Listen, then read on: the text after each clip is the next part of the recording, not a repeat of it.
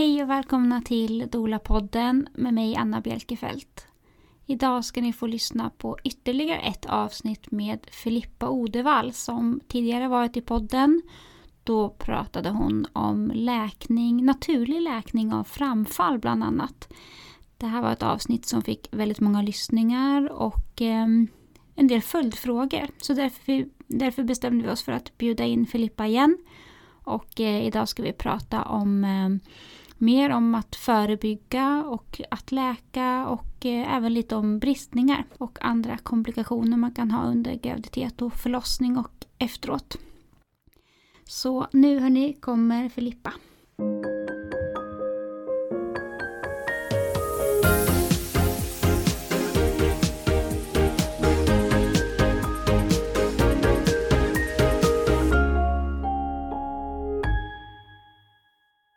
Jag babblar så himla mycket när vi eh, spelar in så att det är ganska ja. trevligt för folk att få lyssna på den som är här och gästar. Okej. Välkommen tillbaka Filippa. Tack så jättemycket, så fint att vara här. Ja men kul att du ville komma tillbaks. Vi pratade också med dig på vår webbinariedag som vi hade med Gravidresan och efter det fick vi jättemycket frågor. Eh, så då tänkte vi, då använder vi podden som kanal. Eftersom vi inte gör webbinariedagen mer än en gång per termin ungefär. Eh, vill du börja med att presentera dig så att folk vet vem du är? Om man inte har lyssnat på första avsnittet med dig. Ja men precis, absolut. Jag eh, heter Filippa som sagt och är eh, 39 år gammal. Eh, jag har jobbat med hälsa större delen av mitt liv på olika sätt och framförallt med yoga. Mycket fokus på yoga. Jag startade en organisation tidigare som heter Skolyoga som integrerar yoga i skolor. Eh, så det var en resa men sen födde jag barn och kom in på en annan resa. Och eh, efter det så så gick jag igenom väldigt utmanande symptom, bland annat framfall som nog var det värsta.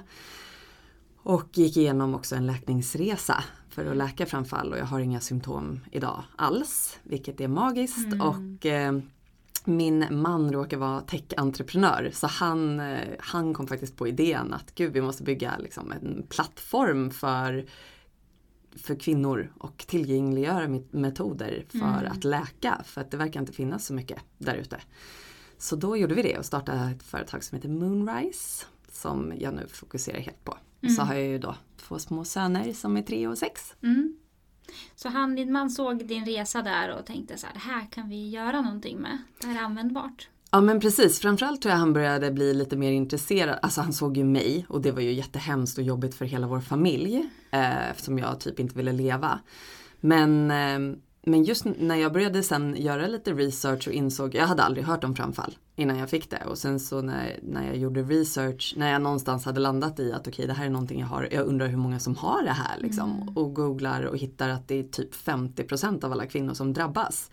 Jag fick sån chock och han också och vi bara varför för det första har jag aldrig hört om det. Mm. Och för det andra, varför är det bara operation typ och pessar? Alltså, ska jag gå runt och känna mig trasig resten av livet? Eh, så ja, det var, det var han egentligen som såg så här, gud vi kan ju bygga någonting mm. så, och tillgängliggöra. Mm. Verkligen, alltså det är det som är fantastiskt med internet. Mm. Det finns många dåliga saker men mm. att sprida bra information liksom, och kunskap. Exakt. Och eh, i första avsnittet som vi spelade in med dig så kan man ju lyssna på eh, din läkning och din process som du gick igenom kring framfall. Jätteintressant mm. att höra på. Mm. Eh, men vi ska komma tillbaks lite till de frågorna som vi fick efter webbinariedagen. Och vi ska också prata lite om eh, bristningar, knip och behandlingsformer. Så det här är sådana saker som vi också får frågor om mycket som doler. Eh, och eh, doler diskuterar det här väldigt mycket med varann för att det är så ensidig information man kanske får från vården eller väldigt bristfällig information många gånger. Hur upplevde du det? När jag upplevde liksom symptomen? Mm. Eh, extremt bristfällig. Mm. Alltså, jag gick ju när, när jag, efter att jag liksom hade tittat i spegeln och såg att gud det är någonting som sticker ut här ur min, eh, mitt underliv, en liten rosa boll. Mm då gick jag ju till, ehm, eh, till flera liksom, olika läkare och gynekologer och alla sa ju knip. Liksom. Ja. Eh, det var det enda, det enda som gällde och jag hade redan gjort det efter min första förlossning när jag inte fick lika hemska symptom. Och det gav absolut ingenting. Nej. Så, och då blir, jag blev ännu mer deprimerad och kände mig ännu mer isolerad för att den metoden som fanns funkade inte på mig. Nej. Det är typ som att jag, jag, det var fel på mig liksom för att det läkaren sa funkade inte på mig. Mm. Eh, så det var bara fruktansvärt hemskt. Mm. Ja, vad jag har förstått så kan ju knip göra vissa symptom också värre som man har med bäckenbotten eller underlivet. För väldigt många faktiskt. Eh, statistiskt, och nu vet vi ju inte hur de här numren stämmer eller inte med statistik och kvinnohälsa är väldigt, eh, det kan finnas mycket mörkertal och sånt. Mm. Men eh, statistiskt så säger man att knipövningar funkar för ungefär 30 procent. Eh, och det är ju fantastiskt då för de 30 procenten. Och de eh, kvarstående 70 procenten antingen känner ingenting eller så blir det mycket värre. Mm. Och framförallt om man har en överspänd bäckenbotten så är knipövningar inte bra att göra Nej. för att vi vill inte addera spändhet. Alltså knipövning är ju en form av eh, kontraktion som gör att bäckenbotten spänner sig och det är det sista vi behöver. Mm. Och det kan man ju tänka sig, alltså om man tänker sig att man lyfter en vikt med sin arm, så här, tränar biceps liksom hela tiden. Och sen plötsligt så stannar handen vid axeln och man går runt böjd sådär Mm. i armen hela tiden för att muskeln är så spänd så man kan inte sträcka ut den. Och så, kommer, då, så går man till en läkare och säger jag kan inte sträcka ut min arm, jag, alltså jag är ju så Mm. spänd här. Liksom. Eller ja, det kanske man inte kan säga att, att man är, men det är någonting här liksom, Mm. som jag vill jobba med och de bara men spänn lite till. Ja. Det är liksom det Mm. som är receptet kan man säga med Mm. knipövningar. Och det, det är ju många kvinnor som faktiskt får värre, värre symptom som du sa men också så här, eh, på grund av knipen kan Mm. de få framfall. Mm. Så att man har redan en spändhet och så håller man på och spänner ännu mer genom knipövningarna och då plopp liksom håller inte eh, balansen där nere i vaginalväggarna och fascia och bindväv och muskler och ligament och allt. Eh, det blir sån obalans att då Mm. är det någonting som liksom åker ner. Hur vet man att man har en spänd bäckenbotten då? Ja, det är en bra fråga. Eh, det beror lite på vad man har för referenspunkter. Det är väldigt många kvinnor som aldrig har liksom känt i sitt eget underliv innan man får barn och då kan det vara lite svårt att veta hur det ska kännas. Mm. Liksom. Vad som är normalt och... Ja men Mm. precis. Men, men så här, om, om man har någon form av bäckenbottendysfunktion, då har man, jag skulle säga i 99% av fallen i alla fall, spändhet. Mm. Och även om man inte känner sig spänd som i tight eller att det gör ont, så har man förmodligen ärrvävnad. Och ärrvävnad är också en sorts spändhet för Mm. att det är ehm, Det är vävnad. liksom. Nej men precis, det är, bin, det är vävnad som har blivit eh, kom, compressed. Alltså den är, det Mm. f- finns inget blodflöde där. Och så att det blir som en spänd liksom, eh, del. Så, så att någon med bäckenbottendysfunktion skulle jag egentligen nästan aldrig rådge att göra knip. Om man inte har gjort det redan och känt att det har varit jättebra Mm. och verkligen gett god effekt. Mm. Ehm, det finns så mycket annat att prova innan som är mindre riskfyllt. Mm. Sen därmed sagt, det, alltså jag vill inte säga att man aldrig ska knipa och kniper bara dåliga. Men det kan vara bra att ha med sig. Sen om man aldrig har fött barn och undrar, liksom, man kanske är gravid och eh, så här, undrar om man har en spänd bäckenbotten och hur ska det gå inför förlossning och så. Så tror jag att återigen man kan jobba med många olika metoder för att säkerställa att det finns cirkulation och vad skulle man säga, fluidity skulle jag vilja använda som Mm. ord. Det är typ flöde kanske. Mm. Alltså att ehm, för att en kontraktion av en muskel kan ju ge ett visst blodflöde. Så det är ju därför det är bra att träna och kanske till viss del, att göra knipövningar. Mm. Men man kan få igång flöde på så många andra sätt. Genom tryck, eh, man kan få igång det genom andra typer av rörelser med hela bäckenet. Mm. Eh, genom kost. Eh, genom sitt sinne. Alltså hur man, om, om man ja, jobbar med liksom mind over medicine eller meditation, visualisationer, affirmationer. Då kan man ju skicka blodcirkulation liksom, Mm. till sitt underliv. Så det finns så himla många aspekter av hur man kan jobba med flöde egentligen. Och det är det jag tror med knip att man på ett sätt vill åt men då får man också den här negativa bieffekten av att man spänner för Mm. mycket. För det är också så att vi kvinnor, vår rot, liksom, vårt kvinnliga kreativa center, alltså det är så mycket som sitter i bäckenbotten, underlivet, livmodern, liksom runt hela det. Verkligen. Och för väldigt många har man varit med om något slags trauma i livet så kan det sätta sig i bäckenbotten även om inte bäckenbotten var involverad i traumat om man säger så. Men sen är det också många som har varit med om sexuella övergrepp och sådana saker. Och då är ju sannolikheten väldigt, väldigt hög att det sätter sig i bäckenbotten. Mm. Och det skapar också en spändhet. Så det, och det kan till och med forma, inte ärrvävnad kanske, men att eh, bindväven eller fascian då som det heter reagerar och drar ihop sig. Och sen släpper inte den så det Mm. behöver inte nödvändigtvis heller vara muskeln som har dragit ihop sig. Okej. Mm. Varför tror du att det här med knipövningar har blivit så himla populärt då? Och stort? Och typ enda rekommendationen? Ehm, Du får spekulera lite. därför att kvinnor inte styr världen. Nej då. Bittra sanningen. Ja, nej men det var ju den som kom på, inom citationstecken säger jag här nu, för att jag tror ju att kvinnor har knipit i alla århundraden och årtusenden av olika anledningar. En, en stor del av knip har ju varit, om man tittar tillbaka historiskt, eh, i samband med liksom sexuellt eh, pleasure, alltså Mm. njutning. Mm. Ehm, men sen så råkade det ju då vara en läkare som hette Dr. Arnold Kegel och på engelska heter ju knipövningar Kegels. Ehm, så han gjorde en undersökning en gång på en kvinna och, eh, och bad henne liksom ja, se om han, hon kunde knipa runt hans finger och så gjorde hon det. Och så gjorde han någon pytteliten studie på några kvinnor som hade olika bäckenbottendysfunktioner. Mm. Och då så såg han att några av dem blev bättre. Mm. Och, och det är liksom därför hela västvärldens sjukvårdssystem rekommenderar det som en Mm. icke-invasiv icke-invasivt alternativ. Mm. Fastän det finns massa nya studier som pratar om fascia, hur ärrvävnad påverkar, hur trauma påverkar. Men det, det tar för lång tid att få ut till läkaren som träffar den här kvinnan.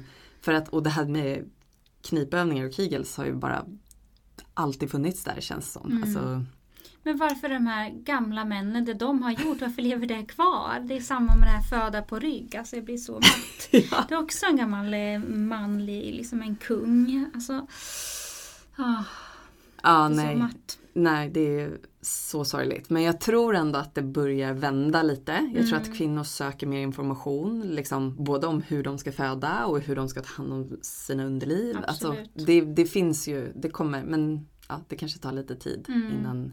Men, men jag tror ändå att just nu, om man tittar på, det som är fint också med internet är att vi kan se hur kvinnor söker. Mm. Och det är väldigt många som söker just på så här, varför fungerar inte knipövningar? Mm. Eh, så att, så att det finns, de behöver inte gå till sin läkare och ifrågasätta och knappt få något svar. Nej. Det var ju så de hade gjort förr i tiden. Nu har de ju ändå internet att vända sig till. Mm. Sen är ju Dr. Google kanske aldrig en supertrygg källa. Men det, de kan ändå få upp andra alternativ och se, läsa på. Liksom. Mm. Men de här 30% som du nämnde som blir hjälpta av knip, har man sett vad de har haft för problematik? Kan man se något liksom att de här problemen kan hjälpa om man kniper eller blir bättre? Mm, Som jag har förstått det så är det väldigt, så här, nej icke, bara de har haft olika typer, alltså det kan ha varit inkontinens eller framfall eller både och. Mm. Eller, jag har aldrig hört att någon som har någon form av smärta har blivit hjälpt Nej. av knipövningar. Nej, det känns ju rimligt. Ja. Mm. Men eh, vilka problem, eh, om du skulle nämna, kan man ha med sin bäckenbotten eller sitt underliv? Vilka symptom eller problem har kvinnor? Ehm, Som du möter och som du hör om? Ja men precis. De liksom huvudsakliga skulle jag säga är ehm, eh, framfall såklart och där finns det ju många olika. Det finns, eh, både, alltså det finns framfall av främre slidväggen. Eh, då, ja, då liksom urinblåsan kan man säga tynger ner den väggen och det finns av den bakre och då är det ju ehm, tarmen. Ibland söker jag efter ord och det är för att jag är så van att prata Mm. på engelska om Jag det här. Ja. Eh, men det kan också vara en kombination av båda dem och även eh, själva livmodertappen är det ju egentligen och livmodern bakom livmodertappen som, Mm. som kan åka ner. Eh, sen kan allting ha blivit nedsänkt. Eh, så det, ja, det finns massa olika sådana kombinationer av framfall. Eh, sen inkontinens är ju en annan stor och där finns det också massa olika typer av inkontinens. Vad som triggar att man inte kan liksom hålla, eh, hålla sig. Mm. Eh, och sen är det smärta, är ju också en väldigt stor. Eh, en annan är eh, low libido, vad säger man, låg sexlust. Mm. Eh, och den är väldigt stor. Eh, men tyvärr någonting som det verkar som att i och för sig de andra symptomen är det också men så här, vi, det bara är så. Alltså man tror att har, nu kanske inte jag kommer känna så mycket mer lust Nej. typ i mitt liv för att jag är kvinna. Eh, så den är mer subtil, den kanske inte är en sån här som påverkar en jättemycket dagligen. Nej. Men de skulle jag säga är de största. Men sen så har ju vi, om, jag har ju, vi har skapat ett bäckenbottenprogram eh, på Moonrise och där har ju vi en lista på ungefär 50 symptom som vi går igenom med varje kvinna och ser. För att det kan ju vara länd, ländryggsmärta, eh, hip, hipsmärta, höftsmärta, eh, ja, ma- massa olika och sen också på det alla känslomässiga symptom Mm. som är väldigt relevanta och stora när det kommer till bäckenbotten dysfunktion. Och som kanske inte får så jättemycket plats i den vanliga vården. Nej, det är nog ingen som frågar hur, hur känns det för dig nu? Nej. hur mår du på grund av den här diagnosen? Precis. Och det är ju det vi får höra från alla kvinnor som kommer till oss där vi liksom summerar och paketerar för dem. Så här, Gud det här verkar vara din situation och då går vi igenom allt i detalj. Mm. Och, och då är ju de så här, Gud du är den första som har sagt det här till mig. Liksom, för att jag har gått till liksom, en läkare om inkontinensen och en annan läkare om framfallet och, och sen går jag till någon terapeut för att försöka. Alltså allting är så Ja. upphackat, man får inte vara en hel människa. Nej. Liksom.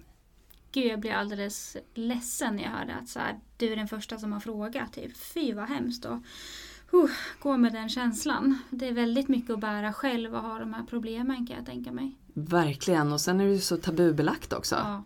Ehm, nu mer och mer unga kvinnor tror jag pratar om det mer öppet men de flesta som går våra program är faktiskt i klimakteriet. Ja.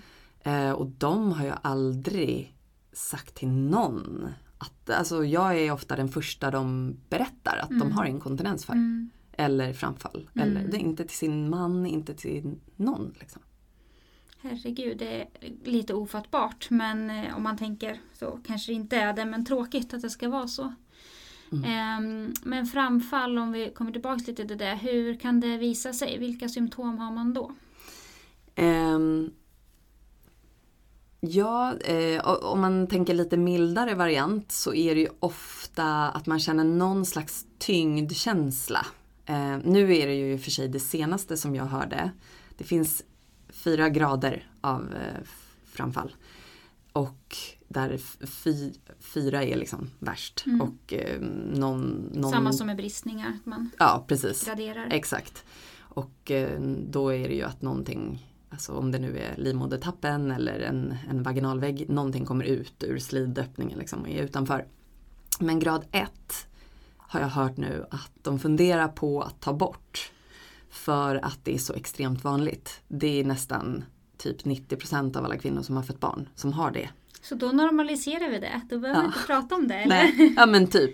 Sen är det ju för sig att de kvinnorna, absoluta majoriteten, känner inte ens själva av det. Nej, de Alltså- har inte problem. Nej, de har inga problem och de har kanske aldrig det Nej. i resten av sitt liv. Alltså, utan ja, det har blivit en påverkan i liksom, bindväven och fascian efter att man var gravid och födde. Mm. Och det kan det ju få vara, tänker jag, generellt i kroppen. Man Mm. går ju igenom en jättestor process. Men man ska ju ha samma funktion som innan. Precis. Det tycker jag är det absolut viktigaste. Mm. Men eh, ja, så den kan man väl knappt räkna. Men jag tror ändå att vissa vid grad 1 och även 2 absolut kan känna den här tyngden. Att det är någonting som är, och många kan känna den precis innan mens. Mycket tydligare, typ fem dagar innan kanske. Det är, det är väldigt markant för många att de känner så. Ehm, och det har ju det har med många olika saker att göra men framförallt att hormonerna påverkar vår bind, bindväv mm. väldigt starkt. Mm. Eh, det är väldigt nära kopplat till hur spänstig eller fl flöd, hur flödet liksom är. Framförallt i den typen av bindväv som är i vaginan som mm. ju är eh, vad säger man, slemhinnor. Mm. Mm. så ehm, men, men det är väl nog så här, de känslorna, det, det kan ju absolut göra ont också. Um, och det är nog framförallt det som är kanske innan man på, rik på riktigt säga, men alltså innan det kanske blir så pass allvarligt att man börjar lida mer av det. Mm. De som har eh, typ grad 2, 3 och absolut 4 eh, kan ju ha framförallt alltså mer smärta och mer tyngdkänsla. Men ännu mer än så tycker jag att de kvinnorna, inklusive mig själv, blir så extremt psykiskt påverkade. Alltså att man inte vill leva. Mm. Och det är någonting som är Jag har liksom försökt tänka ut vad, vad det kan vara. Men för på ett sätt, för mig, jag hade visserligen ingen smärta. Så det var ju väldigt, väldigt tur för mig. Men jag vill ändå inte leva. Men om, om jag tänkte på min situation objektivt, så här, ja, men det är någonting som inte riktigt är på plats i mitt underliv. Men det är ändå okej. Okay. Alltså det är ändå så här, jag har ingen smärta. Jag har inte någonting som begränsar mig jättemycket mer än ett skav när jag går. Mm. Så vi, klart det, är det kan vara frustrerande men jag, vill, jag kunde inte resa mig upp i sängen. Jag Nej. fick panik. Alltså jag var, det var så överväldigande. Så och, de psykiska problemen var nästan större än de fysiska låter det som? För mig var det ja. absolut så. Och jag tror att det är så för väldigt många eller på, på samma nivå. Mm. Liksom att man, den fysiska biten är... Säkert. Mm. Men det här med tyngdkänsla, det vet jag att vi fick någon fråga om på webbinardagen också. Att det är väldigt många som känner det direkt efter de har fött barn. Och vad är normalt där? Hur länge kan man ha det? Och hur kan man, ska man bli orolig av det? Ja men precis. Eh, jag skulle ta det som ett tecken. Jag, jag, tycker att alla signaler och symptom som kroppen uttrycker ska man lyssna på. Eh, och även om någon annan, typ en läkare, säger att det här är inga problem, bara gå hem och knip lite eller det här är ingen fara, så här ser alla ut när de har fött barn. Så skit i det. Mm. Eh, din referenspunkt till hur du vill känna och hur du har känt tidigare är mycket, mycket viktigare.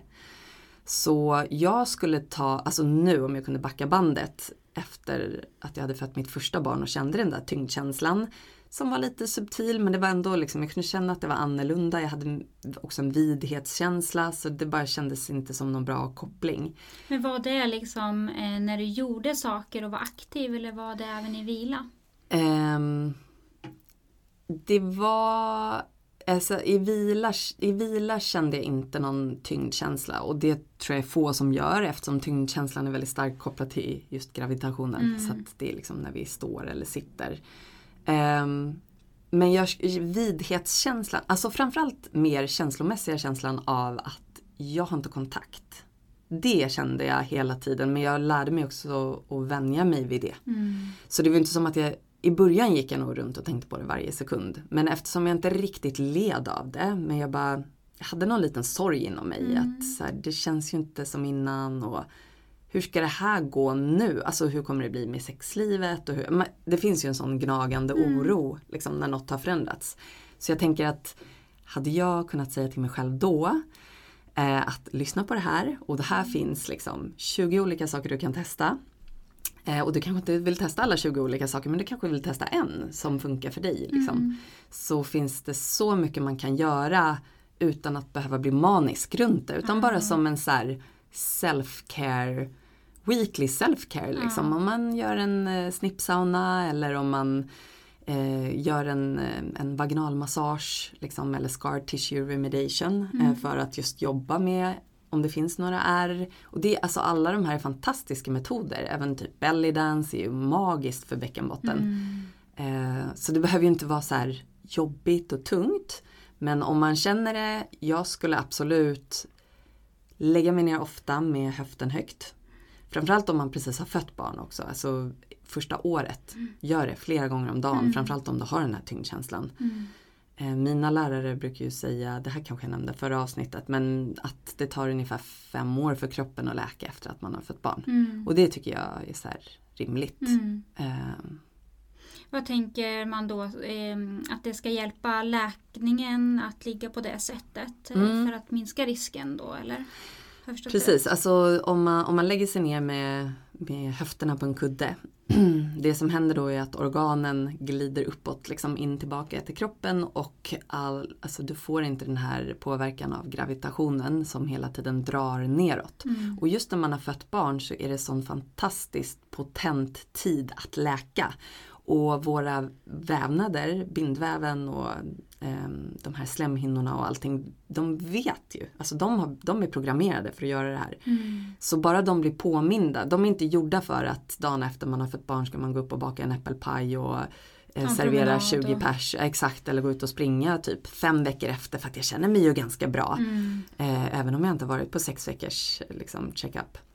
Så eh, vila, vila, vila tror jag jätte, jättemycket på och sen i kombination med om du känner minsta symptom, jag skulle absolut 100% rekommendera dig till att testa några metoder som stöttar din bäckenbotten och läka. Mm. Och det ska vi gå in mer på. Eh, jättebra att du nämnde det. Eh, vad kan man eh, göra förebyggande då för att minska risken för framfall? Ja, eh, det beror ju lite på vad du har för utgångspunkt. Men jag tänker återigen att vi vill ha den här härliga, flödande, öppna vaginan. Liksom, som, eh, som framförallt har- tillgång till blodflöde. Mm. Eh, och det som sagt kan man ju få genom massa olika typer av metoder. Jag, jag, för mig så var det ju så att ehm, jag hade varit vegan och vegetarian i typ 12 år. Eh, ja, kanske 10 år eller något när jag födde barn. Och jag tror absolut att det hade en påverkan på min bindväv och att det inte hade blivit lika allvarligt för mig om jag hade ätit animaliska produkter. På vilket sätt då? Tänker du att det påverkar? Jag tror att det påverkar på många sätt och jag vet inte ens typ om vi kan veta alla sätt. Eh, på ett sätt. Men det som faktiskt forskning visar är ju att eh, kroppen behöver kollagen. Både för att, alltså när man är gravid, att bygga upp bebis, att liksom bygga upp kroppen inför födsel och sen för återhämtning efter födsel. Mm. Eh, och att kollagen är en extremt viktig komponent och den går inte att hitta i liksom, växtbaserad kost. Nej. Så för mig personligen så tror jag absolut att det hade gjort en jättestor skillnad. Men sen tänker jag också, alltså såklart att vi så generellt tar hand om vår hälsa, inte stressa, eh, vila mycket, lyssna på kroppen, vad behöver kroppen? Om du är sugen på någonting särskilt när du är gravid, ät det. Mm. Ät, alltså det är ju det är ju värsta bästa signalen att gå på. Mm. Ehm, och vad någon annan än har sagt om man ska äta det eller inte, så skit i det, gör det bara. Mm. Ehm, så sådana liksom grundläggande saker. Men sen om man också vill lägga in mer preventiva metoder så finns det ju till exempel hypopressives som är en andningsövning som stöttar både hållningen och eh, bäckenet är i relation till bröstkorgen vilket blir så himla viktigt framförallt i återhämtningen för att det är så många som liksom tappar och lyfter de nedre revbenen och svankar. Mm. Går, så, så som man ofta går när man är gravid och det kan ju vara okej i en graviditet till viss del. Men där vill vi liksom hämta tillbaka den stabiliteten. För att både magen, alltså eh, magmusklerna ska kunna återhämta sig och vi inte ska få diastasis recti som är den här magseparationen men också bäckenbotten ska liksom kunna hämta sig. Så då, den tekniken är fantastisk Mm. för, för det. Men sen alltså belly dance är ju också en fantastisk förberedande metod och historiskt sett så belly dance har aldrig historiskt sett använts för eh, för att kvinnor dansar inför män. Det har använts i kvinnocirklar för att kvinnor dansar tillsammans med kvinnor Mm. för att någon är gravid till exempel och har det som en förberedelse eller som en postpartum liksom, metod. Um, och just för att återkalla sensualiteten och, men, men på ett feminint sätt och i ett tryggt rum. Liksom. Mm.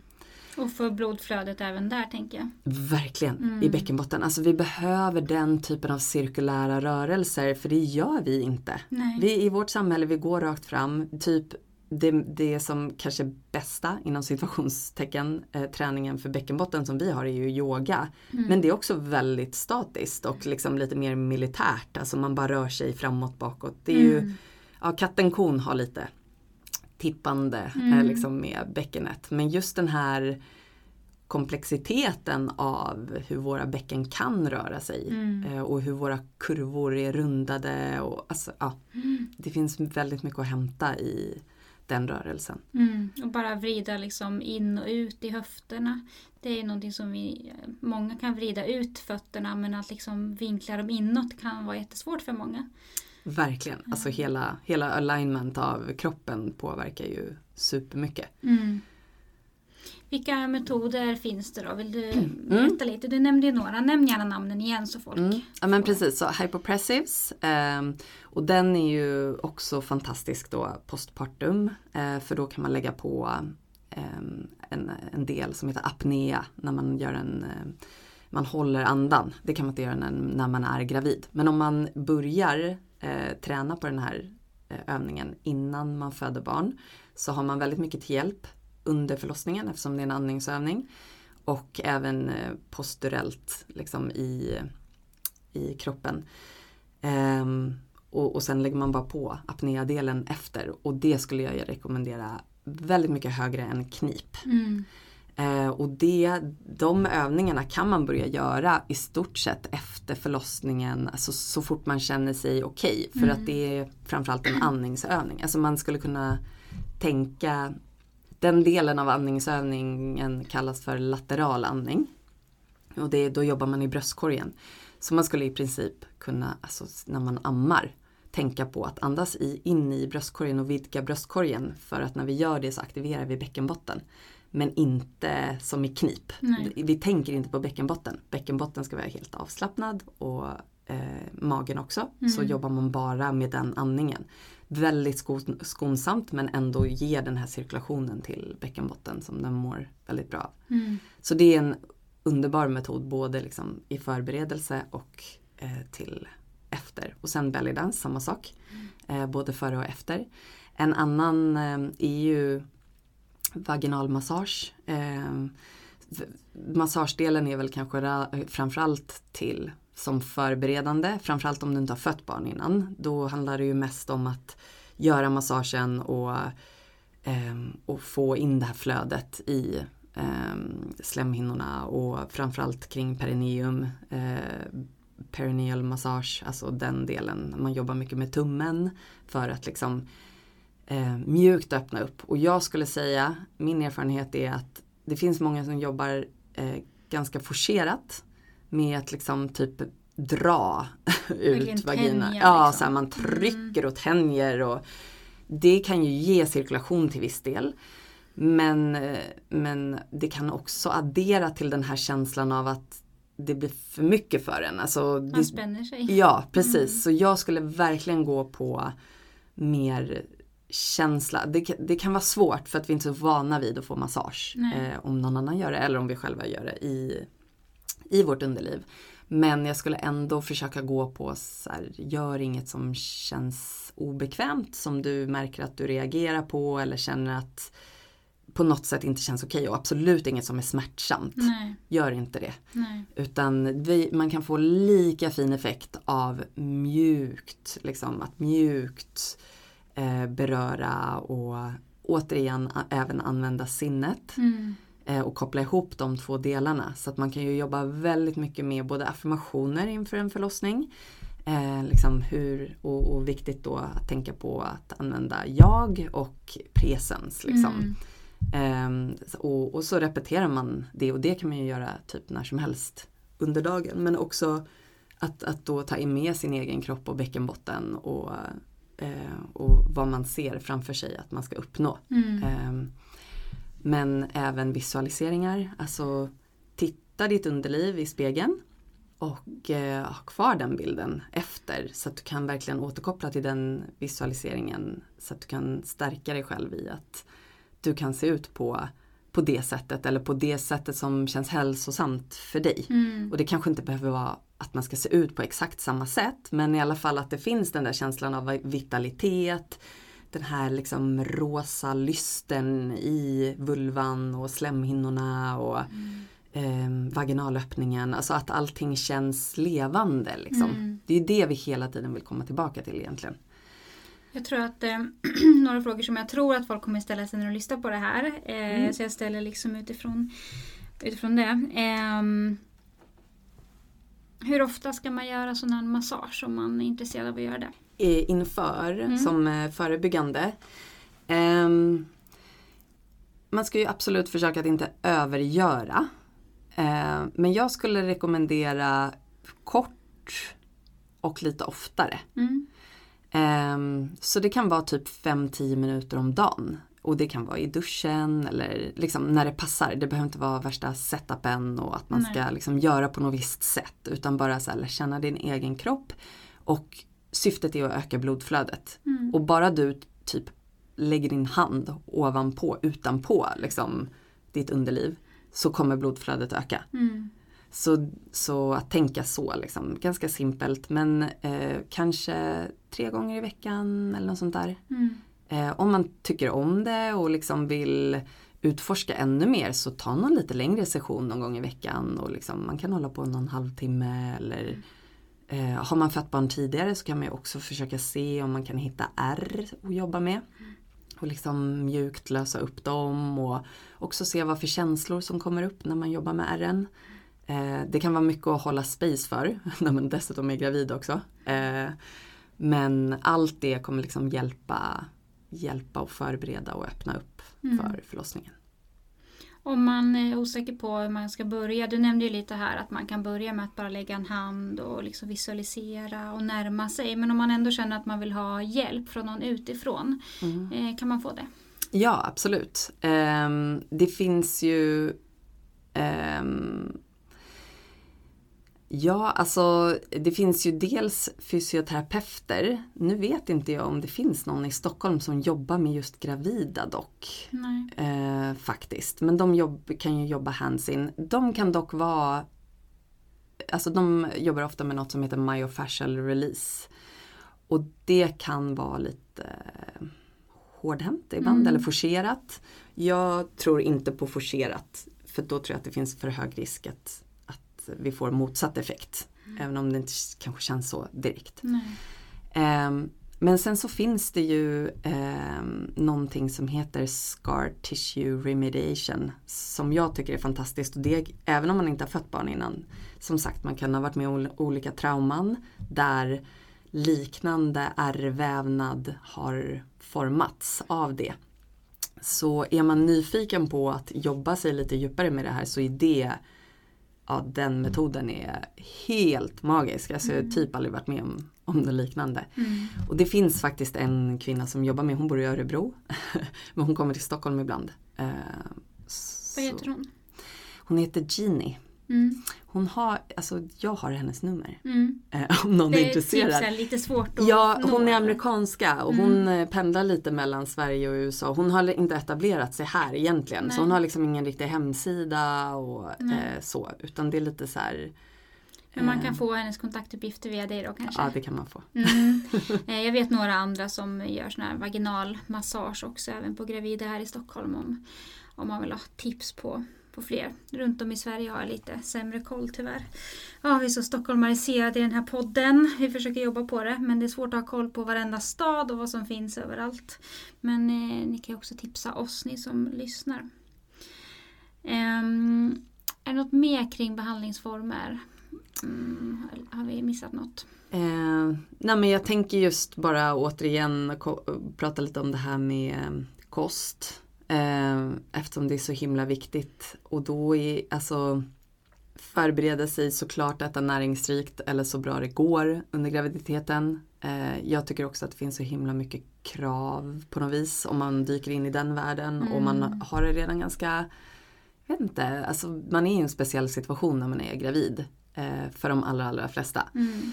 Så liksom försök att inte lägga så mycket på det, tänker jag. Men däremot så här, att förbereda också efter till postpartumtiden och läsa in sig lite på vad, hur kan man verkligen stötta och boosta kroppen. Och Mm. någonting som har hjälpt mig mycket misstänker jag, jag kan inte veta exakt vad, vilken av alla metoder som har hjälpt mest men det är ju benbuljong Mm. eh, som, som är väldigt eh, tätt på kollagen just. Och det är ju väldigt enkelt att koka hemma och framförallt om man redan äter kött så köper man förmodligen kanske kyckling eller någonting annat som har ben och då bara sparar man benen och så kokar man dem. Eh, Jag har verkligen försökt det. det var typ det äckligaste jag någonsin har druckit. Men jag vet många som jobbar med kost som rekommenderar det. Alltså typ alla som jag känner. Ja. Men man kan ju, man behöver inte dricka det bara sådär. Nej. Det kan ju vara lite speciellt. Man kan ju blanda ner i en soppa. Ja, Göra någon sås på det så här, eller typ benspartner så här, blanda in det här någonstans och så Mm. vet inte jag vart det är någonstans. Exakt. Eh, Så absolut, det kanske lät lite för enkelt. Eh, eh, jag Ja, förenklade men, det eh, lite. många Nej, men, tycker nog att det funkar jättebra. Jag vet ju att det är bra postpartum också. Så. mm, Mm. nej, men, Jag har en, eh, en doula-kollega som eh, fick jättemycket mat efter att hon hade fött barn. Mycket så här näringstät mat som folk hade lagat till henne och hon åt det varje dag i flera månader. Liksom. Hon, hon sa att jag vet ju inte vad som var vad men jag har aldrig mått så bra. Att hennes återhämtning var helt otrolig och hon är ju så övertygad om att det är kosten och det kan jag verkligen tro också. ja men det tror jag. Mm. Absolut, kosten är ju så, så stor. Men inte allt också Nej. så man får inte så här, det är så lätt. Vi kvinnor framförallt har så mycket krav på oss kring kost. Liksom, vare sig vi är gravida eller postpartum eller någon helt annan fas i livet. Alltså man bara relaterar till mat hela tiden. Ja. Okej, äter den här eller inte och den här. Alltså, Ja. Det är ju någon slags liksom, övervägning hela tiden. Mm. Så man får ju hitta en balans. Eh, jag tror att om maten skapar stress, hur hälsosamt man än äter, så är det inte säkert att det hjälper. Nej. Alltså stress är ju sån toxid, alltså det är sånt gift för kroppen. Mm. Så ja, man får vara varsam och, och inkännande Mm. och, och lita på sig själv. Mm. Och också ta stöd. Alltså jag tänker ju och jag hoppas och önskar att postpartum-dolor så här, är den doula-gruppen som ska växa mest här nu Mm. snart. För att det är alltså Mammor är så liksom Ja, vi är så ensamma i det här samhället. Eh, och vi behöver hjälp. Ja, så man behöver verkligen. vara två kvinnor på en bebis tycker Mm. jag. Det tycker jag är rimligt. Absolut. Absolut. Jag vet att eh, Disa Menör pratar om det här också, om att det är så viktigt hur man äter. Att om man bara slänger det i sig spelar inte heller så stor roll hur nyttigt det är. Hur viktigt det är att liksom tugga och liksom verkligen suga ut enzymer ur maten. Och, eh, ja, men tugga och äta långsamt och så. Absolut. Mm. Och bara så visualisera hur kroppen tar upp den här näringen. Precis. Och, ja, men det, och det är lite som, det pratar man om i träningsvärlden också tror jag, det här med mind to muscle eller vad säger man? Alltså att man, Mm. när man tränar en viss muskelgrupp måste vara fokuserad på den gruppen. Ja. Och det ger så mycket mer eh, resultat. Mm. Det är ju, alltså, så är det ju med allt Det egentligen. känns ju rimligt. Ja. Eh, men vill du ge så några exempel på näringstät mat? För jag tror att många är så här, men vad är det? Ja, alltså ehm, äta rent, inte äta processad mat. ehm, äta gärna lokal mat, eh, ekologisk om det går. Nu är det ju, men då blir det, och det får inte bli den här listan heller som man blir så här stressad och bara Nej. gud och var ska jag få tag på det här och hur Mm. beställer jag det och bara gör så gott du kan. Ehm, jag tror också väldigt mycket på att laga hemlagad mat. Ehm, att den energin man lägger in i maten är ju egentligen den energin som kommer in i ens kropp Mm. genom maten. Ehm, och det är just när man har fött en bebis, alltså då behöver man ju, du, du ska inte gå upp och laga mat, det är någon annan som ska laga maten till dig.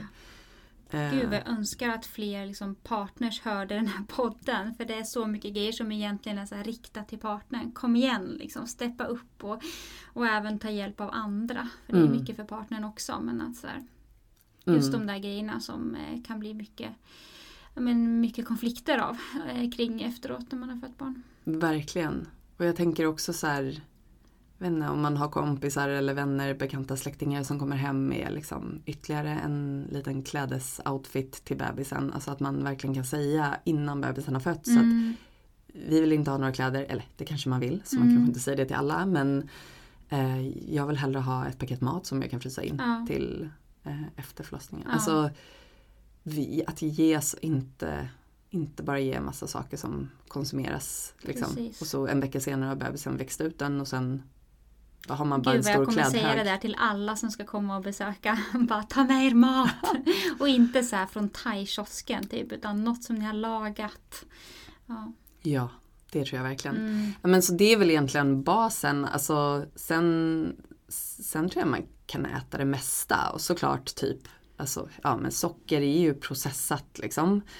Men absolut kan man väl äta lite så, alltså om någon kommer över med en hembakad bulle eh, då, då kan man väl, det är inte så här, åh nej, du Nej. kan absolut inte äta den om du känner dig sugen på den. Men, eh, men just att försöka så här, prioritera sånt som inte är processat och då menar jag liksom mjöler och allt sånt också egentligen. Mm. Ehm, och sen såklart om man äter kött så att man äter liksom gräsbetande eh, och ekologiskt och Mm. gärna l- från lokalt Mm. någonstans. Och egentligen ja, kan det ju vara samma sak med mejeri.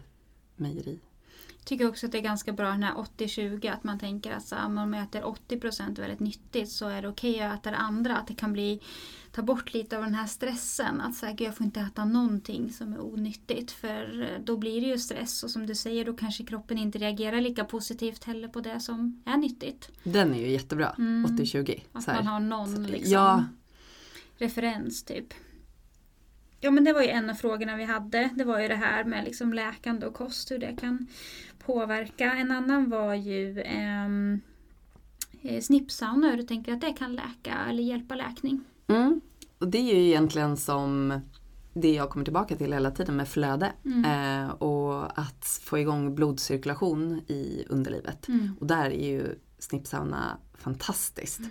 Och det är ju inte bara själva ehm, själva liksom fascian och eh, slemhinnorna som påverkas. Det är ju också vagusnerven som sitter liksom strax bakom ovanför eh, livmodern. Och den gör oss ju väldigt lugna. Och det är ju också en väldigt stor del av läkning. Alltså att vi vill befinna oss i vårt parasympatiska nervsystem eh, så mycket av tiden som möjligt. Eh, för att det är bara där vi läker. Det är Mm. inte när vi är vårt sympatiska. Det är när vi stressar, när vi liksom har fokus bortom oss själva och ska Planering framåt. och- ja, precis.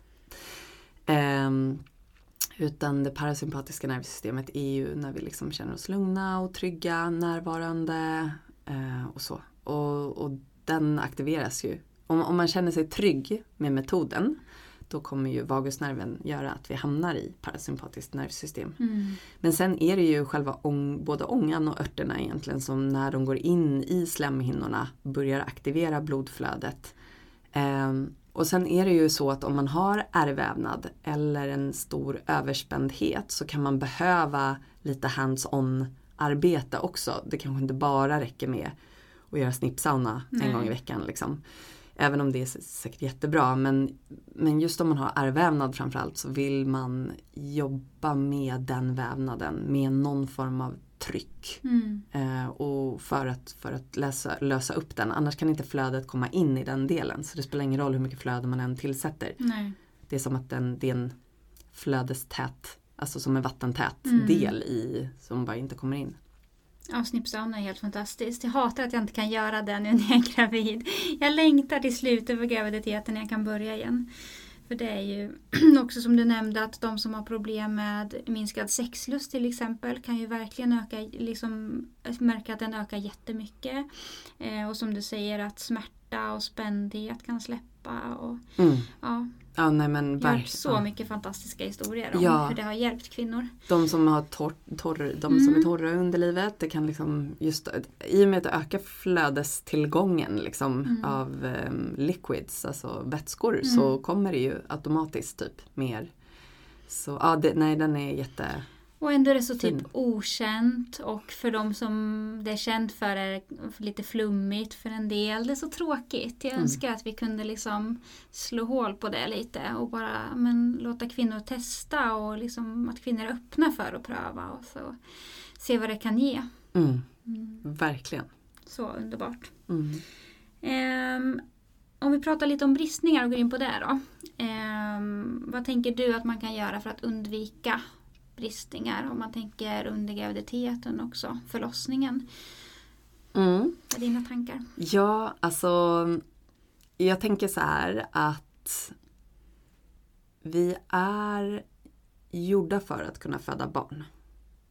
Och i det kan det vara så att vi kan vara gjorda för att få bristningar. Återigen så tycker jag att funktion ska inte nedsättas på grund av det. Så det är liksom det perspektivet som, som jag har generellt på bristningar. Att bristningar i sig behöver inte vara något dåligt eller det värsta som har hänt en. Det kan vara det såklart om man känner att ens liv är liksom förstört. Men, eh, men också vara öppen för att och veta om att om jag får en bristning eller om jag får ärrvävnad så kan jag jobba med det. Och det är liksom inte the end of the world. Precis.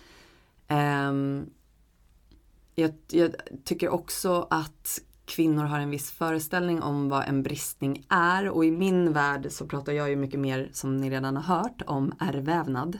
Men det är ju en form av bristning för det som händer när vi får en bristning är att eh, bindväven reagerar genom att skapa ett ärr. Så ett ärr är ju egentligen ett hälsotecken. Din, din, din vävnad och din fascia fungerar precis som den ska. Den, den har reagerat precis så som den ska. Mm. Sen behöver den lite hjälp efteråt för att hitta tillbaka till ett mer flödande och naturligt tillstånd så att funktionen kan behållas. Mm. Ehm, men att förbereda liksom för att inte få bristningar det är ju egentligen med alla de här metoderna som vi har pratat om. Att för, för att kunna känna sig redo och öppen att ett barn ska komma ut ur underlivet så behöver vi ju liksom ja, jobba, jobba för att öka flödet, eh, öka den här avslappningen och Kontakten. kontakten, näringen. Liksom, ja, det, är, det är ganska enkelt på ett sätt. Allting Mm. som är näringsrikt, allt som ökar cirkulationen, allt som ger mer syre, allt som gör, stöttar framförallt de här cellerna då i underlivet att bli, eh, vad säger man, utstädade. Alltså, städ, alltså att, att blodcirkulationen kan komma in där och faktiskt ta med sig det som inte behöver vara kvar. Mm. Eh, Så om man har med sig de komponenterna och sen när man ska göra vad är olika för alla. Och det är där det blir så spännande i att hitta in i kontakten med sig själv och så här, vad känner jag för? Det kanske inte alls passar med snippsauna för någon inför förlossningen. Man bara, åh jag är redan så varm och gud jag känner inte alls, alltså tvinga inte dig själv Nej. till att göra det då. Det, det här, det är lite komplext och det är absolut inte som i sjukvården att det finns ett svar för alla med ett Nej. visst symptom. Liksom, utan det har att göra med så mycket annat. Så samma sak, är det någon som har varit med om ett sexuellt trauma, men då kanske en hands-in behandling, typ vaginalmassage eller scar tissue remediation, det kanske bara är superfel. Framförallt när man är gravid och känslig. Och, Mm. så det, man, man får liksom hitta Hitta sig själv först. Mm. Eh, och kanske hitta stöd från andra som kan guida en och ge olika förslag på olika saker man kan testa och så vidare. Ja, det är ett sånt bra tillfälle under graviditeten också att att läka de här grejerna och komma i kontakt med sig själv och när man är så öppen och på, på de hjärnvågorna som gör att man faktiskt kan nå saker som man inte kan när man är i det här sympatiska nervsystemet som vi är största delen av vår vakna tid verkligen. Mm. Det är sånt, eh, ja, det är sånt tillfälle. Man bara åh, vill ta tillvara på det, känner jag. Verkligen. Mm. Under förlossningen då? Det här är någonting som vi pratar jättemycket om med dem som vi dolar och eh, ja, det känns som att frågorna aldrig tar slut och som att det är fortfarande så mycket eh, från vårdens sida fokus på vad vården gör för att kvinnan inte ska brista. Att man glömmer bort nästan kvinnans roll och henne, att det är hennes kropp som ska föda och hennes autonomi som vi måste värna om. Och ja, men liksom, det är hon som kan. Och ändå upplever jag att det är så mycket fokus på det här gör vi för att du inte ska brista och vi kan hjälpa dig och rädda dig och lyssna bara nu. Um, hade du några tankar kring det här när du skulle föda? Alltså jag, eh, jag, jag litade väldigt mycket på min egen kropp och min förmåga. Jag var inte ett dugg rädd eller orolig eh, någon av gångerna. Men det jag fick lära mig efter första gången när jag födde på sjukhus var ju att jag kunde inte lita på de barnmorskorna som var där. För jag tyckte de guidade mig helt fel i krystfasen. På vilket jag, sätt då?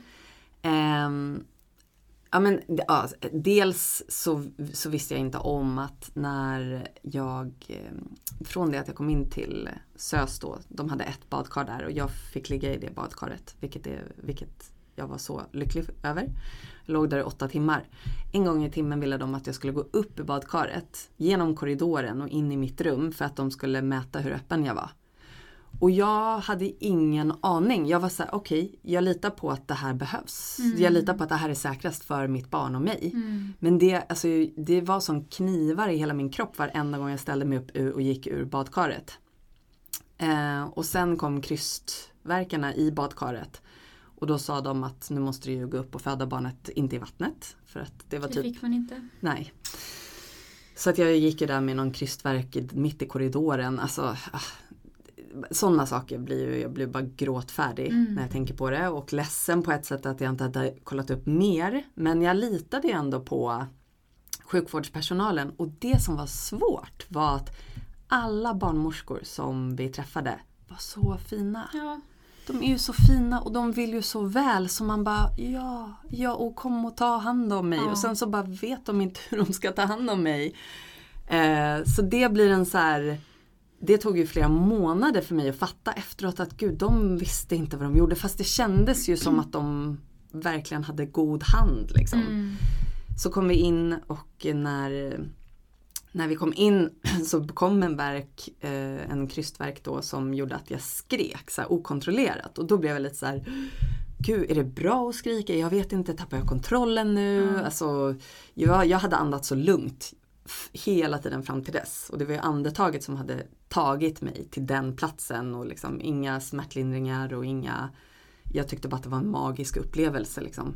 Så när det där skriket kom då sa barnmorskan att eh, det, typ så här, men du, när nästa verk kommer så bara fyller du lungorna och så stänger du munnen, håller andan och trycker ner hakan mot bröstkorgen. Och hon var ju så fin. och jag var så trött. Jag hade ju typ inte sovit på en vecka innan min förlossning. Så jag var bara så här. Så jag gjorde det. Eh, och det tror jag ju också. Jag hade ju så här eh, små eh, sprängda ögon, alltså i ögonen blodkärl mm. som var mm. sprängda liksom efter. Och det minns jag, jag kollade mig i spegeln och bara va? Mm. Kan det, vad, vad är det här liksom? Mm. Sen många månader senare la jag ihop att gud, jag skapade ju ett för stort tryck i mig själv liksom, som varken höll uppåt eller neråt. Um, så nej, det, det var lite sorgligt. Mm. Och det där är ju, tänker jag, jättevanligt. Det där ser vi ju hela tiden. Att, fortfarande, att man fortfarande arbetar med forcerad kryssning eller guidad kryssning som man som låter lite bättre. Guidad kryssning än forcerad kryssning, det är exakt samma sak typ. Eh, man kan väl säga att guidad kan ju vara lite mer så här eh, försök att följa kroppen och tryck lite mer här så det behöver ju inte vara jätteforcerat heller. Men eh, fortfarande att vi ser båda de teknikerna väldigt, väldigt mycket att det används och eh, det vet man också ökar risken för bristningar.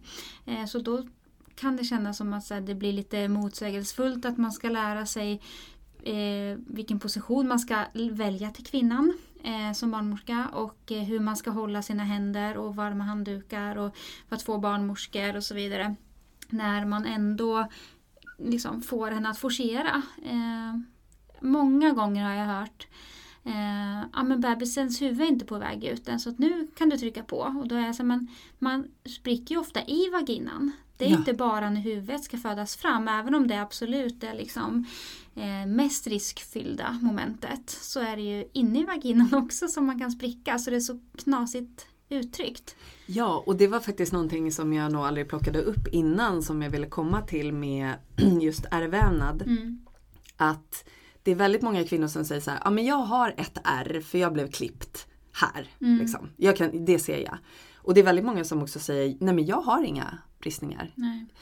Eh, för att man vet inte att det, det kan sitta högre upp inne i vaginalkanalen. Och strukturen där inne, även innan man har fött barn, är ju inte superslät. Alltså den, det är olika strukturer på olika platser för att det har olika funktioner och syften. Så det är ju 87 procent ungefär av alla som har fött barn vaginalt som har någon form av ärrvävnad. Eh, och det, och det, det, behöver ju inte ge några symptom av någonting. Men det kan vara väldigt bra att veta att sannolikheten är hög att du har ärrvävnad. Mm. Och om du har en dysfunktion, var glad för det för då har du något att jobba med. Ja, då vet du Ja. vad det handlar om. Ja men liksom. precis och då handlar det bara om att hitta det där ärret eller de där ärren Mm. och, och ge dem kärlek och flöde och näring och sen kommer du kunna leva ett normalt liv igen. Mm. Jag tänker också att det handlar jättemycket om att stötta kvinnan i att själv välja position. För kvinnan känner ju själv att nu behöver jag mer kraft eller nu behöver jag att det pausas lite, går lite långsammare här. Det kan ju vara så små skiftningar åt ena eller andra hållet med höfterna eller liksom, ja, hur man lägger vikten på sittbenen eller vad det nu kan vara. Och så är det ändå som lite trendigt nu nästan att eh, föda på sidan. Att det är det som barnmorskorna uppmuntrar de flesta till. Det är liksom det nya ryggläget nästan. Eh, och det är många som upplever att jag har inte lika mycket kraft där för man har inte lika mycket hjälp av tyngdkraften. Vilket i sin tur leder till att man måste forcera mer. Ehm, ja. Ja men precis, jag tänker allt som är att ta bort liksom en känsla av egen makt eh, för kvinnan kan bidra till bristningar. Mm. Eh, in, alltså dels de själva fysiska bristningarna men också då, det trauma som uppstår som kan sätta sig i bäckenbotten även om man inte fick en enda fysisk bristning så kan det Mm. bli en reaktion i eh, slemhinnorna som gör att det blir en förhårdnad liksom, eller så. så jag, men, men tyvärr har, det, det är svårt för att för många kvinnor har aldrig känt så i relation till sin kropp att jag vet vad jag behöver Nej. nu liksom och så plötsligt i typ det största momentet i ens liv när man ska föda barn då ska man kunna kommunicera exakt, Exakt. vad man behöver och vara super in tuned liksom. Ja, och man känner sig bara rädd och förvirrad och det är massa personer som säger massa olika saker vad man ska göra. Och, Mm. så det är jätte, jättesvårt. Mm. Men absolut, jag, jag tror definitivt att om fler kvinnor fick bestämma själva Mm. över allt från position till belysning, till musik, till plats, till Personer. ja, v- liksom så många olika faktorer så Mm. skulle det vara mindre bristningar för att Mm. kvinnor skulle känna sig tryggare. Ja, jag tänker att eh, personal behöver, de har ju utbildats väldigt mycket i Sverige de senaste åren så att man har ju sett att antalet stora bristningar har minskat. Eh, Men jag tänker man behöver också utbilda i vad som händer fysiologiskt i kvinnans kropp. För det känns som att trots att de har lång utbildning, nu är ju liksom tilläggnings eller tilläggsutbildningen till barnmorska bara ett och ett halvt år så är det svårt att få in allt där för barnmorskor har ju en extremt bred kompetensområde eller väldigt brett. Eh, men att eh, man liksom jag vet inte om man inte får med sig det från utbildningen eller om det faller bort i systemet man jobbar i. Att man inte förstår vad som händer fysiologiskt och därför inte kan stötta det. Och då är det som att då går man hellre in och lär sig vad man själv kan göra och göra mer när man kanske skulle kunna göra mindre. Ja, och det är liksom det fysiologiska är ju så mycket mer oberäkneligt och okontrollerbart och, och sjukvården funkar inte så. Nej. Sjukvården vill ha exakt kontroll på allting och liksom det här får max ta åtta timmar för Ja. att sen ska nästa in. Typ. Och det är, en kvinnas kropp funkar inte så. Nej, verkligen inte. Och man har ju sett i studier att ja, men två barnmorskor på rummet minskar risken, risken och eh, varma handdukar till exempel. Eh, men jag tänker att det är lite mer komplext än så. Jag ska inte så här ifrågasätta de här studierna men jag tänker att det är mer komplext av den anledningen att ja, men om det kommer in en helt främmande människa som man inte har träffat innan eh, och ska vara med när man krystar. Det är en ny röst, det kanske är en ny lukt, det är nya intryck, energier från den här personen. Kanske nya händer på ens kropp. Det är klart att det kan öka spänning tänker jag. Det känns ju... Ja men, ja, troligt. Ja, och jag tänker också så här, allt det här med, det är ju, jag vet inte det här med forskning och studier för att allt beror ju på. Alltså, och det är så mycket vi människor är för komplexa för att bara kunna mätas utifrån Ja. en situation vid ett tillfälle och vara med i en grupp och jämföras med andra på samma Ja, situation vid verkligen. tillfälle fast vi har Mm. levt helt olika liv, Mm. helt olika uppfattningar om saker och ting, helt olika självkänsla. Helt, Förutsättningarna, ja. Ja, så jag tror verkligen att framförallt vad gäller graviditet och födande, postpartum, så här, gå tillbaka till dig själv. Ta den här tiden, det är den bästa investeringen du kan göra för dig själv och din hälsa och dina barn och din familj. Att du hittar dina behov. Mm. Och får du minsta signal, bara gör det. Gå på det. Mm. Va- vad det än handlar om. Mm. Verkligen. Jag tycker det är intressant också när man pratat om det här hands-on och hands-off approach. Att man har sett att det inte är någon skillnad i stora bristningar om man, eller bristningar om man håller emot eller inte. Däremot att värme har en väldigt positiv effekt och då är det ofta någon som håller en varm handduk till exempel om man inte är i vattnet eller så. Men att det är väldigt intressant att för många är så här Åh jag vill att någon ska hålla emot, det är det viktigaste, det viktigaste. För man har bara fått med sig det, vem vet från vilken man eh, man har hört det. Men att det, det är på samma sätt som att fler och fler upplever jag önskar att ah, jag blir hellre klippt om de tror att jag kommer brista bakåt. Mm. Eh, Det tycker jag att jag hör ganska ofta. Och eh, där behövs det också mycket mer kunskap. Och eh, vad tänker du om det här med klipp? Har du något, någon kunskap eller så? Ehm, egentligen inte. Nej. Förutom mitt R-perspektiv. Och ehm, alltså om man kommer till en situation som är lite pest eller kolera så vet jag inte. Så här, om man redan känner sig så otrygg. Eh, om, om det känns som att det skulle ge kvinnan någon form av kontroll just i den situationen så kanske det är bättre med ett klipp.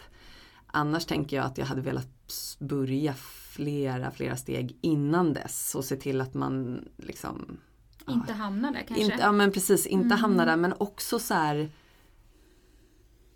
Om man får en lite större bristning på ett naturligt sätt så tror jag ju, om jag känner till exempel om jag relaterar till mina egna R i min vagina så är ju inget ett rakt streck. Nej.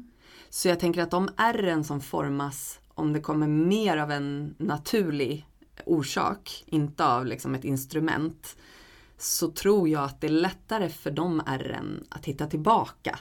På något sätt. Att det, de kan lättare hitta in i det här mönstret som Mm. redan finns runt om dem. Så om man skulle jämföra på R-nivå så är det min gissning. Mm. Sen, jag, ja, som sagt, jag är ingen expert Nej. och jag har inte gjort några studier. Men, Nej. Nej men absolut och jag tänker att eh, i vissa andra länder det klipper man nästan på rutin. Att man klipper alla kvinnor när hon börjar krysta. Eh, och det kan man ju verkligen ifrågasätta. Eh, Gud, det låter ju helt sjukt Ja. alltså. där, där har man ju tappat helt förmågan till att kvinnan klarar av. Men jag tänker att eh, det är fortfarande det absolut vanligaste sättet som kvinnor föder på över hela världen, eller ja, hela västvärlden, att man föder på rygg. Eh, och då blir det ju ingen blodcirkulation. Att liksom för, fortfarande på 2022 att det är det vanligaste, den vanligaste positionen. Eh, Gud. trots att det finns så mycket forskning. Det trodde jag inte. Nej, det, Ja. Men det är som med knip liksom. Ja. Alltså det har inte nått fram. Det har inte Nej. kommit ner på gräsrotsnivå. Nej. Nej, jag tycker att den här det krystfasen är liksom eh, verkligen en så här riktig eh, del av förlossningen där det ställs mycket på sin spets. Vad liksom, hur trygg barnmorskan är och hur stark kvinnan är och hur mycket stöd kvinnan har. Och eh, hur hon eh, själv har förmåga att eh, säga ifrån vad hon behöver och inta positioner som hon tycker är sköna och fungerar. Och, ja, det är verkligen eh, vår uppgift att, de, ja, att man får information innan och att man kan fatta egna beslut. Och just det här att vet man om olika tekniker för att krysta, att det finns här forcerad och det finns oforcerad, då kan man ju verkligen fundera med vad finns det för för och nackdelar och hur vill jag göra och så. Exakt. Mm. Ja men verkligen. Det tror jag. Alltså, ja, det hade hjälpt mig väldigt mycket. Jag hade Mm. ingen aning om att det var, blev forcerat. Nej. Nej, och det är ju ibland så ställer jag också frågan till barnmorskan så här, men finns det någon anledning att eh, ni vill forcera nu? Nej, men vi forcerar inte. Då är de inte kanske ens medvetna om att det är det de gör, utan det är så här man gör när man krystar. Och då tänker jag att om, om kvinnan har en väldigt starkt sittande epidural och inte känner så mycket, då kan det vara nödvändigt många gånger tyvärr. Men de ser inte så många fysiologiska födslar heller, vilket Nej. gör att då tänker de att de gör på samma sätt som de alltid gör. Mm. Att man går in och det är nästan som att nu är det barnmorskans time to shine. När det liksom är precis tvärt emot vad hon borde göra. Ja, verkligen. Mm. Så komplext. Mm. Så komplext.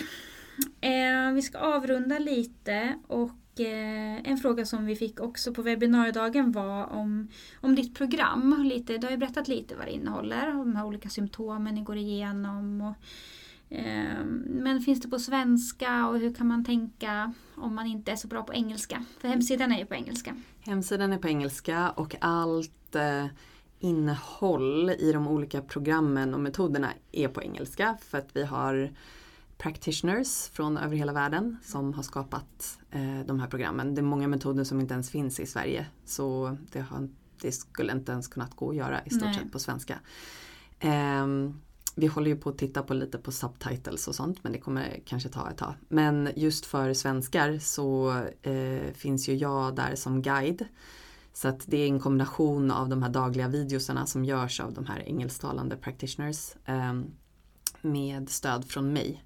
Så om man känner sig så pass bekväm att man kan få en guidning på engelska av någonting och då kan man ju titta hur många gånger man vill på videon. Mm. Eh, man kan till och med sätta den på mycket långsammare så att det inte går så fort. Mm. Eh, och sen kan man ju fråga mig Mm. eh, precis hur mycket som helst. Om det är saker man inte förstår eller sådär. Ja, Så via eh, ert program så kan man få hjälp med olika typer av, vill du beskriva?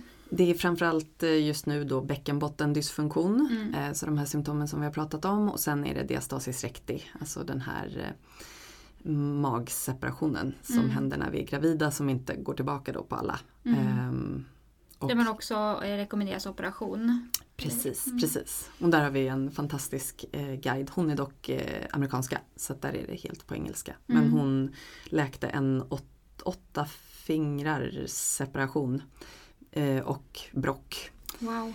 Eh, så läkaren sa bara att du måste göra operation och hon gav sig inte. Så hon, hon har läkt, hon hjälper kvinnor över hela världen nu. Ja, vad läka. häftigt. Mm. Ja, verkligen. Så kul. Mm. Ehm, berätta Filippa var man hittar dig. Eh, våra program och det vi gör hittar man då på moonrise.health. Eh, sen har jag en Youtube-kanal där jag delar med mig av alla olika metoder eh, och massa andra spännande grejer på eh, Filippa Odvall for Moonrise heter min Youtube-kanal då. Mm. Ehm, och eh, ja, sen har jag väl lite Instagram och sånt där. Jag vet inte, jag, ja, jag försöker uppdatera lite men Mm. ja, Fokusera lite mer på ert program och det. ja, Mm. mycket. Ja, tack så jättemycket Filippa för att du ville komma tillbaks. Tack, det är gud, jag älskar att prata om allt sånt här. Det ja, är, det går inte att få nog. Nej, verkligen. Och tack för allt ni gör och ja, lycka till själv nu snart när Ja. det närmar sig. Tack så mycket.